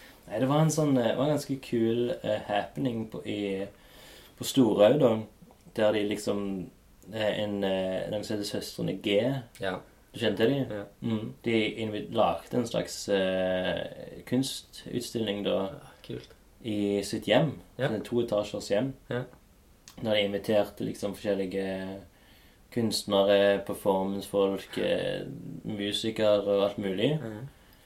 Og så fant meg og Gustav ut liksom at ok, kanskje vi skal prøve å ta den sangen live. da, Bare for å sjekke det ut. Og så øvde vi litt, og tingen var at eh, sangen ble bra, liksom, for han har roen. liksom, Vi hadde liksom en beat i bakgrunnen sånn du, du, du, Og så hadde han litt bass, og så tok jeg liksom Spilte leir, ja. ja. Det var, det var kult, og det var bra, liksom, og folk responderte ganske bra. Og jeg fikk liksom etterpå at det er noen som kunne relatere til det, og sånn som det. Kult. Første gang jeg har liksom framført noe med min vokal, Ja. liksom, og sang og sånn, så det, det er min skryt, da. Ja. At jeg klarte Jeg gjorde det etter dødsmange år. Mm. Jeg måtte være 33 år for å gjøre det, liksom. Men eh, du har gjort det, Ja. ikke sant? mm. Det er det det handler om. Så du faktisk tok motet til å Ja. trø til etter så mange år. Ja, og det, det var jo dødsmange folk. Folk ikke kjente, folk noen jeg kjente. Og det var jo på en måte skummelt, men Ja. på en måte så var jeg sikker nok på at det kunne bli på en måte litt morsomt Mm. eller uh, artig. Og jeg hadde jo selvfølgelig litt problemer med eller sånn, stemmen min. Ja. Men uh, Du ble litt sjenert og så tar det på og sånne ting. ja, og så ble det litt sånn etter hvert så bare jeg liksom Hvor mer de liksom begynte å juble, hvor mer ble jeg bare mer og mer sånn eh, ivrig, liksom, og ga faen i Ja. jeg, hvordan jeg brukte stemmen, stemme, liksom. Mm. Skjønner. Men hvordan har du sånn som din første konsert, liksom? Mm. Hva, hvordan eh, Min første det? konsert var på Dale når jeg var 14 Oi. år gammel. Shit. Eh, da var vi, det var helt i begynnelsen, før vi ble det der eh, Corner Bros skikkelig. Da var det bare meg og broren min, og så var Ja. vi et par andre. Da kalte vi oss faktisk Tune Addicts. Ja, Oi. Tune Addicts. Ok. Mm. Tegnefilm med Nei, altså Tone. Oi, ok, Toneavhengige. Tune, eller? Ja, tune, Ja, tune Alex. Ja. Ja. Mm. Ikke Tune, men Tune. ja. um, og da eh, fikk vi en Fordi at det var to stykker av de, av de i den gruppa som bodde på dagmottaket. Mm. Eh, to kompiser. Ja. Og så fikk de liksom Det var et eller annet sånn nasjonaldag for et land eller et eller annet sånt. Og så trengte de underholdning, så kom jo vi og fikk gigen der, da. Det var ikke noe betalt eller noe sånt. Det var bare en liten showcase for å prøve. Og det husker jeg ennå var så jævlig skummelt. For jeg var jo absolutt ikke hadde ingen sjøltillit i forhold til dette her. Ja, Og, ja. 14 år gammel. Ja, ja, ja, dritskummelt, liksom, Verste tiden, liksom, Ja, ja. nesten. Det var liksom det verste tida, og fikk mye tyn på skolen for å gjøre dette her. Plutselig skulle jeg framføre det, liksom, og Mm. sånne ting. Så jeg husker det var jævlig skummelt, men vi gjorde det. Og vi fikk liksom god respons og sånne ting, og det var jævlig kjekt. Så det, Så kjekt. Nei, det var med en gang folk var positive til meg. Ja, ja, Det var det var- buing, liksom. nei, absolutt ikke. Nei. det, men det var jo snille folk, altså. Det var jo voksne mennesker, og okay, ja. det var jo dalemottak, så de var jo åpne for det meste, Mm. liksom. Så det gikk jo det gikk veldig fint, det. Men Så ja. da, det gitt meg litt inspirasjon og sånne ting. Og så Mm. da Vi gjorde ikke så veldig mye mer konserter før Hva er dette for noe sånn skoleopptreden? Kabaret. For det er en Mm. sånn årlig kabaret på Øyger ungdomsskole som jeg gikk på på Hana. Okay, ja. De har liksom sånn årlig kabaret som de setter opp. ja. Og da når jeg gikk i 9. klasse året etterpå, Mm. 15 år gammel, så eh, fikk vi forespørsmål om å rappe på kabareten. Yeah. De hadde fått med seg at meg og kompisen og han andre rappa. Mm. Så vi var tre stykker som ble spurt om å rappe, og vi sa ja, ok, vi kan gjøre det. Ja. Så skrev vi noe som gikk inn i det stykket, da. Ok. Så vi ble liksom med på en del av stykket der. eh, Altså Teater Ja, det var, det var litt spesielt, for å si det sånn. da. Så du har liksom det der eh, typiske Jeg vet ikke om du har sett så mye kabareter fra ungdomsskoler og sånt, men det er jo mye Nei, falsk synging, Ja. og det, det, det går jo ikke ut på at de er flinke, men det går ut på at de er Ja, de tårer å steppe på scenen og Ja. gjøre liksom. Så det var liksom Skal du blande dette her inn med hiphop og rap og tøffe gutter, liksom? Og så det som faktisk var jævlig kjipt for meg, det var at jeg knakk foten. Nei. Jo, jeg knakk foten akkurat i den tida når vi holdt på å øve og sånn. Ja. Så jeg hadde jo gips fra storetåna opp til enden av låret, helt opp her, liksom. Hele foten min var gipsa stivt. Når jeg skulle ha kabaret, da Vi hadde jo, jeg tror det var oppimot tolv ganger, liksom. Natt på kveld på kveld på kveld. Og her kommer jeg med krykkene og bare hopper opp på scenen. Og jeg klarer så vidt å komme meg opp på scenen, for foten står i gips, liksom. Og så kommer jeg opp på scenen der og bare får tildelt en mikrofon, for jeg kunne ikke holde den sjøl når jeg gikk. Og bare Ja, så skal jeg ta rappen min, liksom. Så jeg, jeg, det er ganske løye. Jeg har filma det ennå, og jeg ser så jævlig gretten ut. Jeg ser så pissed off ut. Og jeg bare Dette er liksom første gang jeg får showcasa meg selv skikkelig på noe seriøst. Og så har jeg faen en knokken fot, liksom. Så jævlig kjipt. Men jeg gjorde det, og det er kult å ha med seg i dag, liksom. At det, faen, jeg var 14 eller 15 år gammel og steppa på scenen med en knokken fot. Jeg gidder meg ikke, liksom. Ja, ja Så det jo faen. Ja, det er ganske kult å ha med seg, altså. Alt jeg gjør, så merker jeg at jeg er dritnervøs første gang, og så bare bygger det seg på. Ja. Og i dag når jeg har konsert, så er jeg jo nervøs før jeg skal på. Mm. Alt dette her som, som du sier med alle de tingene, at det er masse folk og alt dette her, Ja, det spiller inn. Mm. Men så har jeg bare lært meg å på en måte se forbi det. ja. Og når jeg går på scenen, så glemmer jeg det. Har du noen ritualer, liksom, når du Ja, altså jeg har jo noen ritualer. Vi har jo blant annet at vi varmer opp stemmen og sånne ting. Mm. Men vi har òg begynt å få jævlig fokus på at vi skal skape en team spirit før vi går på scenen. Holde rundt hverandre og si hva faen vi setter pris på, og Mm. Ja, okay, hvorfor vi er her. Og at det er en blessing i seg sjøl at vi får Mm. lov til å gjøre disse tingene. Og det er jo helt fantastisk. altså. Det er jo det er en blessing at jeg får lov til å gjøre min hobby, og at folk setter pris på det.